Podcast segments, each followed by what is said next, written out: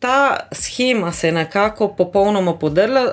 Podlaga za to pa je bil zakon. Odloča se čisto na nekih drugih ravneh, prihajajo ljudje, ljudje iz dru, čisto drugih krogov, da pa bi eh, ne samo ne bilo nič vpliva politike, ampak da bi ti organi bili tudi branik tudi to neko obzidje, ki bi varovalo programske ustvarjalce pred ja. poskusi vplivanja od zune, pa je še kar precej daleč. Sama si ne upam niti pomisliti, uh, v kakšnih rdečih številkah je RTV Slovenija zapustilo prejšnjo vodstvo.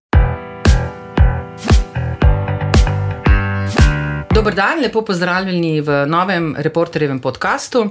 Eh, moje ime je Katarina Keček, sem novinarka tega časopisa.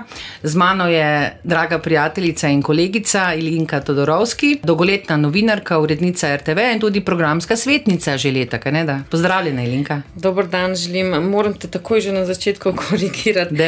Sem članica sveta RTV in članica del, sveta delavcev RTV. Eh, na, sve, na svetih RTV pa sem dolgo, dolga leta sodelovala, zato ker sem bila varuhinja pravic gledalcev in poslušalcev in so imeli tam svoje posebno mesto. Še to, še to varuhinjo si mm. cel mandat si oddelala. Mm -hmm. Jaz, če gledam kot novinarsko, če pogledava to delo tvoje varuhinje, je bilo to težje lažje kot novinarsko delo, ker si bila konec koncev na drugi strani in si mogla presojati to delo svojih kolegov. Ti je bilo zoprno to? To je počet. tako težko delo, da ga ja. težko komorkoli opišeš, in seveda na koncu ni nikoli nikomor nič prav. Ja. Seveda tistim, eh, ki ustvarjajo programe, o katerih se izrekaš, ali ki jih eh, seveda gledalci, poslušalci, bralci kritizirajo, se je to na vse zadnje povod za mojo obravnavo. Potem seveda tisti, ki se pritožijo, niso nikoli zadovoljni zaradi tega, ker je vedno premalo, premalo odločno in tako naprej. Tako da je to v bistvu brez upa zmage, pravzaprav delo ampak hkrati pa se mi zdi, da tako z enimi takimi majhnimi korakci pa lahko kakšno stvar. Uh, Premakneš ali pa izboljšaš, gre nam za tak nek organ uh, samoregulacije, torej tistega, ti, to je nek pomočnik novinarjem, da da, da ti nekdo nastavi ogledalo, se ja. pravi, ja. ne, nekako kvalificirano postaviš to ogledalo in uh, um, pravzaprav te vrže iz tira na način, da prenehaš biti samo zadovoljen, samo všečen. Ne? Ker se mi zdi, da novinari smo veliko krat nagnjeni k temu, da pravzaprav nad nami je samo nebo, nebo zato ker mi vse vemo, vse in preverimo. Urednik.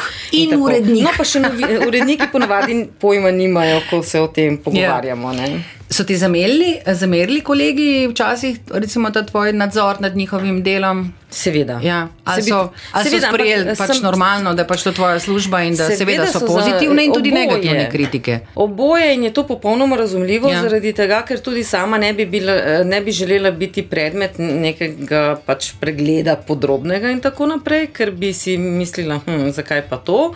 Uh, veliko krat so si tudi želeli, da bi skupaj z njimi pometla pod preprogo kakšno zadevo, napačno odločitev in tako naprej. Sama pa sem nenehno govorila o tem, da pravzaprav novinarski poklic je eno samo odgovarjanje na poklicne dileme, ja. poklicne in etične dileme, ker je popolnoma logično, kaj delamo. Se pravi, ukvarjamo se z nekim pojavom, ki ga potem opišemo. Ja. Ampak. Kaj je tisto, kar je javno zanimivo, kateri zorni kot, kako to prikazati, kako globoko preiskovati, koliko konteksta je dovolj konteksta, koliko podrobnosti je dovolj podrobnosti? Kateri del, recimo, umakniti iz zgodbe eh, z namenom jasnosti, ja. ne, da potem ne izpade, da si recimo namenoma kakšno zadevo prikril, kako daleč greš lahko v raziskavi, ja. kdaj narediš piko uh, in tako naprej in tako nazaj. Se pravi, vedno znova, aha, recimo, bil sem na dogodku, kaj pravzaprav iz tega dogodka predstavim, ja. uh, koliko, kako natančno, to je kar naprej eno vprašanje. Eh, naše. In seveda se ne moreš pripustiti rutini, pomembna je tudi recimo, izbira žanra, za nekaj pač najprimernejše ja. se recimo pogovor, intervju, za nekaj drugega neka kratka vez, za četrto zadevo je pač potrebna polemika. In recimo, če ena od teh zadev ne štima, to uh, občinstvo takoj opazi. Ja. Bravci to opazimo, gledalci, poslušalci, samo morda tisti, ki se s tem ne ukvarjajo poklicno, ne znajo položiti prsta in reči: To je to. Ja. Ampak reče, to je bilo slabo, ali pa to me ni prepričalo, ali pa tako, kako zdaj, ko smo se razvadili, da lahko vsem izrekamo najstrašnejše in najostrejše mnenje. Rečemo, to je čist brez veze, to je za noč, te novinari in tako pojma nimajo. Je to svoboda govora? Ne. Kaj pa je to? Pa to, je? To, je... to pretirano kritiziranje oziroma utekovanje se pač vsako delo vsakega posameznika.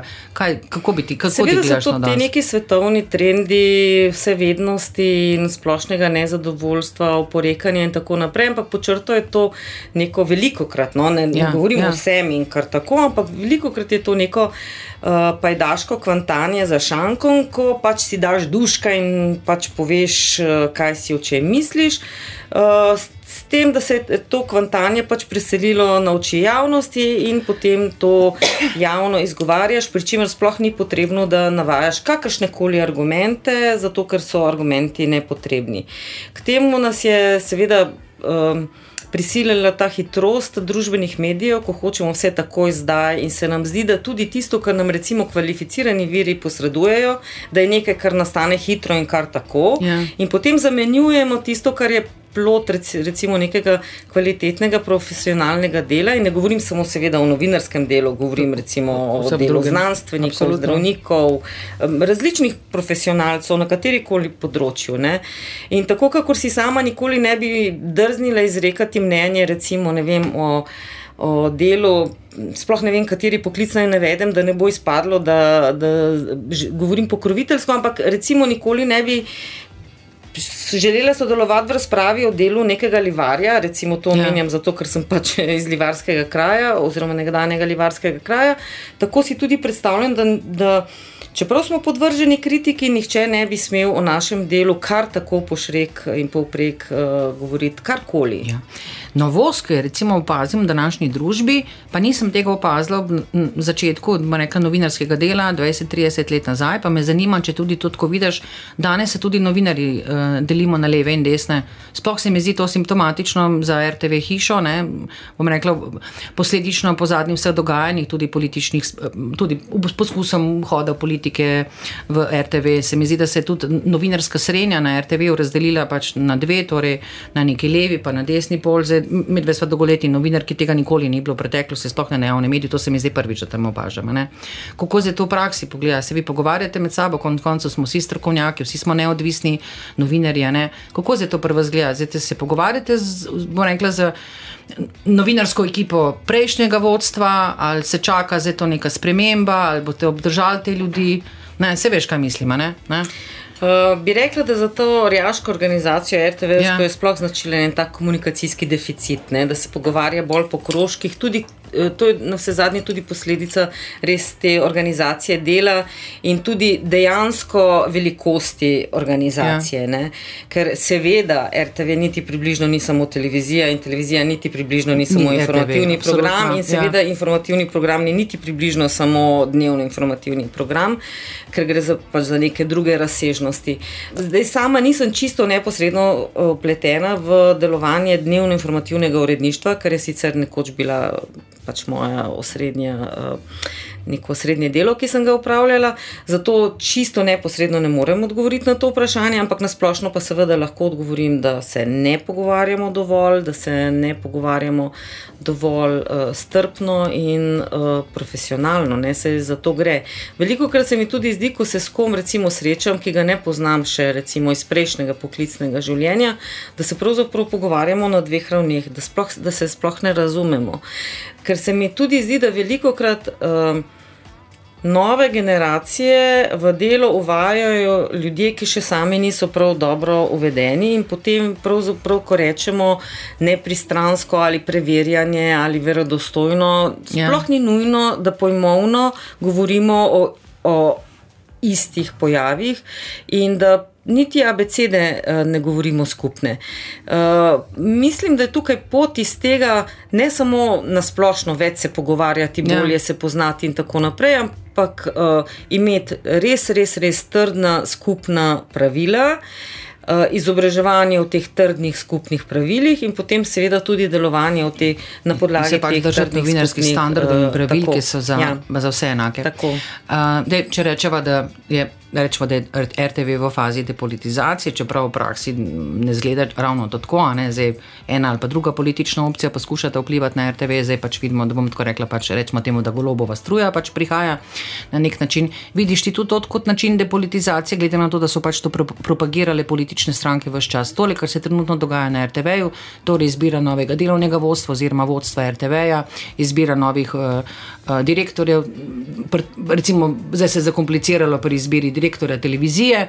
Nepričakovano, če jaz lahko recimo pripomnim, ne pomembno, nekaj birokratske, ampak vse to bo pa spet potegano za par tednov, oziroma vse te razpisne roke. Kako bo to vplivalo na programsko-produkcijski del? Oh, toliko enih vprašanj. Ja, ja. Najprej bi morali reči, da to stvari me zanima, ampak imate ja. tu zelo veliko problemov tam, ne, tako da ne bova vse danes rečili, bova pa načela očitno en kup enih problemov. Bistveno se mi zdi povedati, da je bila politizacija ugrajena v prejšnji sistem, ja. se pravi v dosedanjo zakonodajo, ko dejansko z nekimi cikličnimi menjavami na, na položajih v uh, generalnem vodstvu in seveda tudi v takratnem programskem svetu in nadzornem svetu, se je lahko nekako zgodilo, da so kar naenkrat vse te položaje zasedali ljudje iz podobne nekateri bi rekli enake ali večinsko enake politične, mnenjske, ideološke in da ne naštevam naprej ja. opcije. Kaj je posledica tega? Posledica tega ni politizacija kar tako, da rečemo, da enkrat so naši, enkrat so vaši. Posledica tega je bila ta, da kar naenkrat več ni bilo neke kritične mase za medsebojni nadzor. Ja.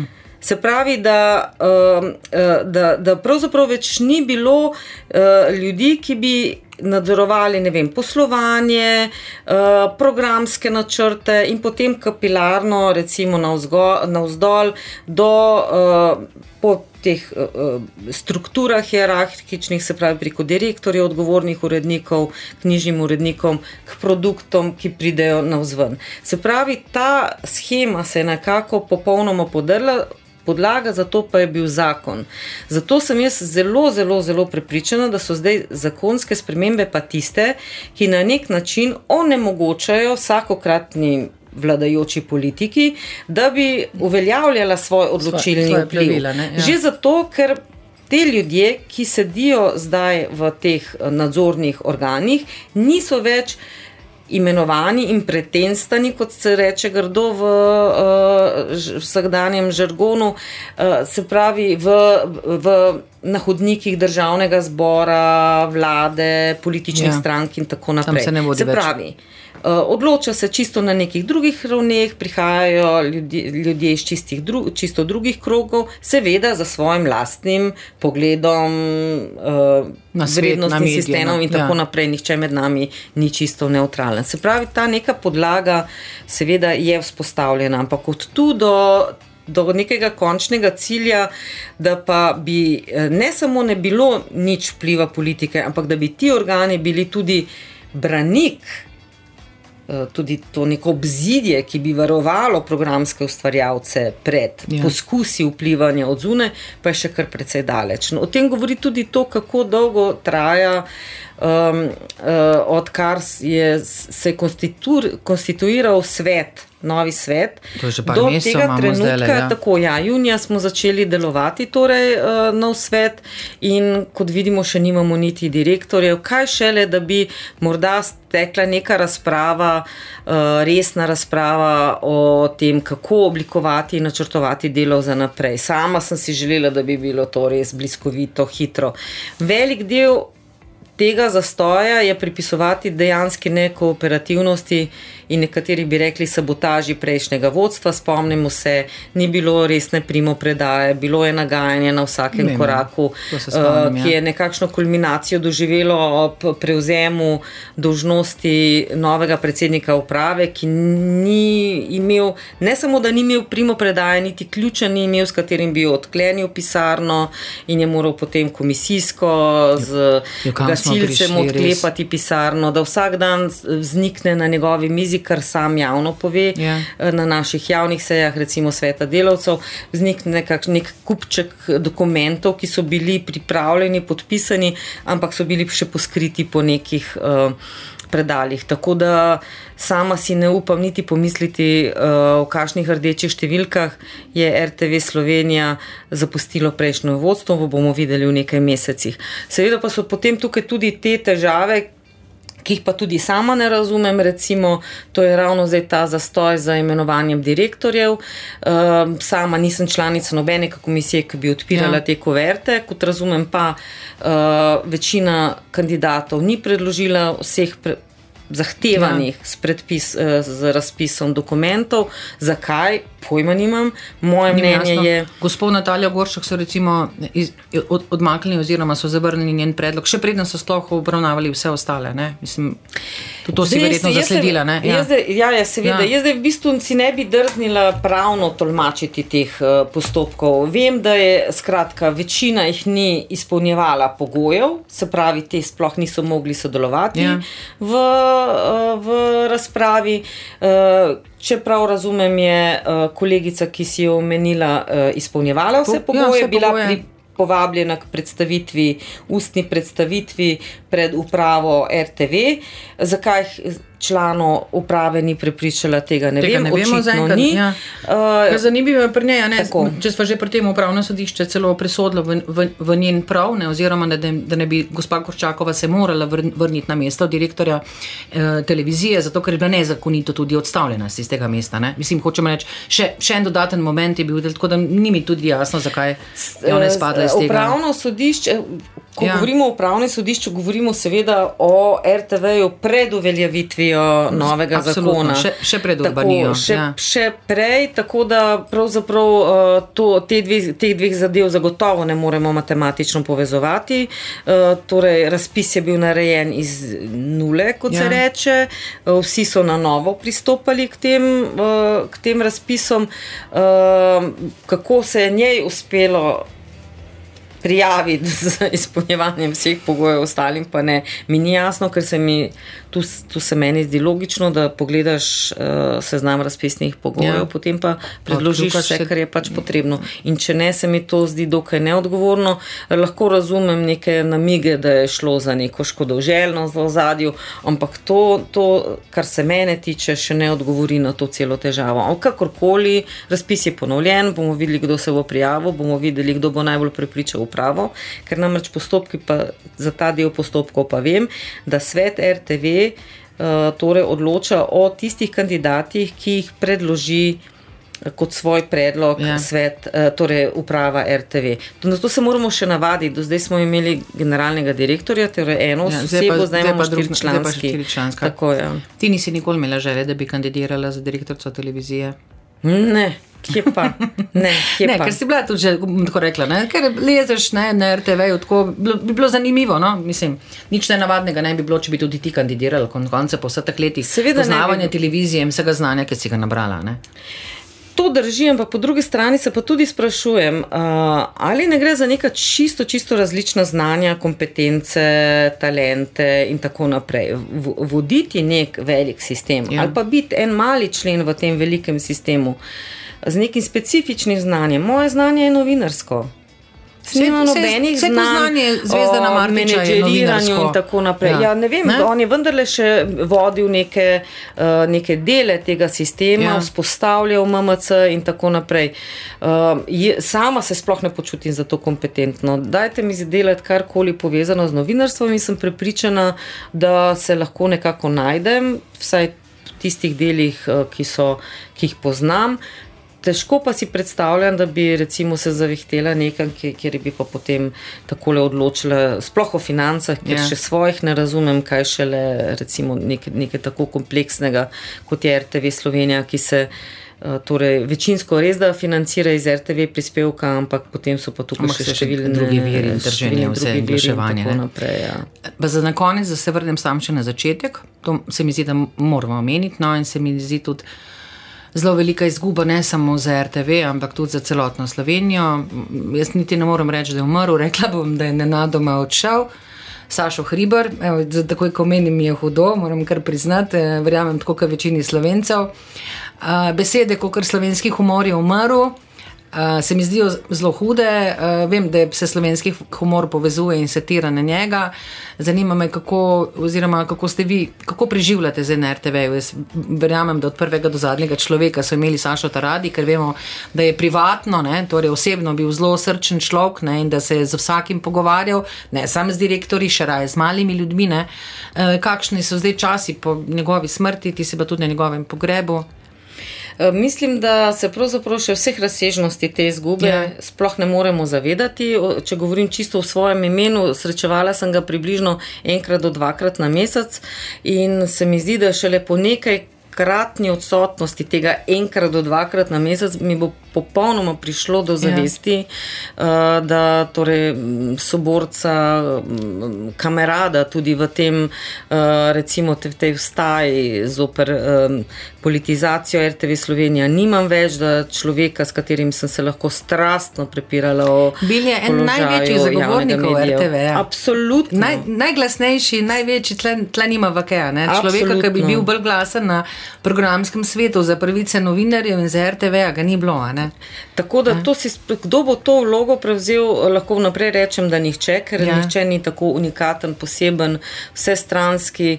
Toliko nekih besed sem slišala, uh, ki ga opisujemo v zadnjem eh, času, da nekatere se morda komu, ki ga je ni poznal ali pa ga je poznal zelo slabo, se mu morda zdijo tudi pretirane, geni ne vem, nedosegljiv, ampak lahko pritrdim, da, da, da so so dejavnosti na RTV-ju, kjer dejansko ne vidim njegovega naslednika, čeprav uh, veliko krat rečemo, vsak je nadomestljiv, uh, življenje gre naprej. Ja. Bomo videli, kako bo šlo. Na, torej, RTV brez njega ne bo. Tak RTV, kot je bil doslej, uh, ampak seveda pa to ne pomeni nekega konca, pomeni nek nov začetek, neke nove temelje. Um, mi je pa tudi veliko, mogoče pa tudi to, ko ne rečem, treba obrniti na ta način, da sem morda pa zdaj bolj kot kdajkoli res poglobljeno brala njegove misli in, yeah. Ja. in tudi jih premišljala, da je mogoče tudi to en tak poseben pečat postilo na nas in morda se bomo te dediščine še bolj zavedali, zdaj, ko je ni kot prej, ko nam je bila tako eh, široko grudno na voljo. Razmetavo nam tako. je tele dragulje, res tako le na vsake tri minute in šale mm. in modrosti, vse skupne. Mm. Uh, mislim, jaz vem, da bo pač spomin na Sašo, da dolg, dolg časa živel, verjamem, da ga boste tudi na RTV ohranili v večnem spominu. Sto procentno sem, da bomo poimenovali kakšen trg ali po ulico po njemu, ker si to zasluži. Najmanj, kar je pa vidim nek ogromen moral že na vaši, na vaši televiziji, ki bi se vsaj petek ob svetu, če ne z drugega. Ne? Tako da predtem se zdaj razsmerim. No? Hvala ti, Linka, za ta pogovor. Se vidi, vas zagotovo še RTV želim veliko sreče, ne? zato ker mi vsi živimo od tega, kaj nam vi ponujate, oziroma od zabave pa tudi do informativnega programa. Naj živi RTV še za dolgo časa. Hvala lepa, se strinjam. Ja. Hvala vam za pozornost in se vidimo ponovno prihodnji teden. Srečno do takrat.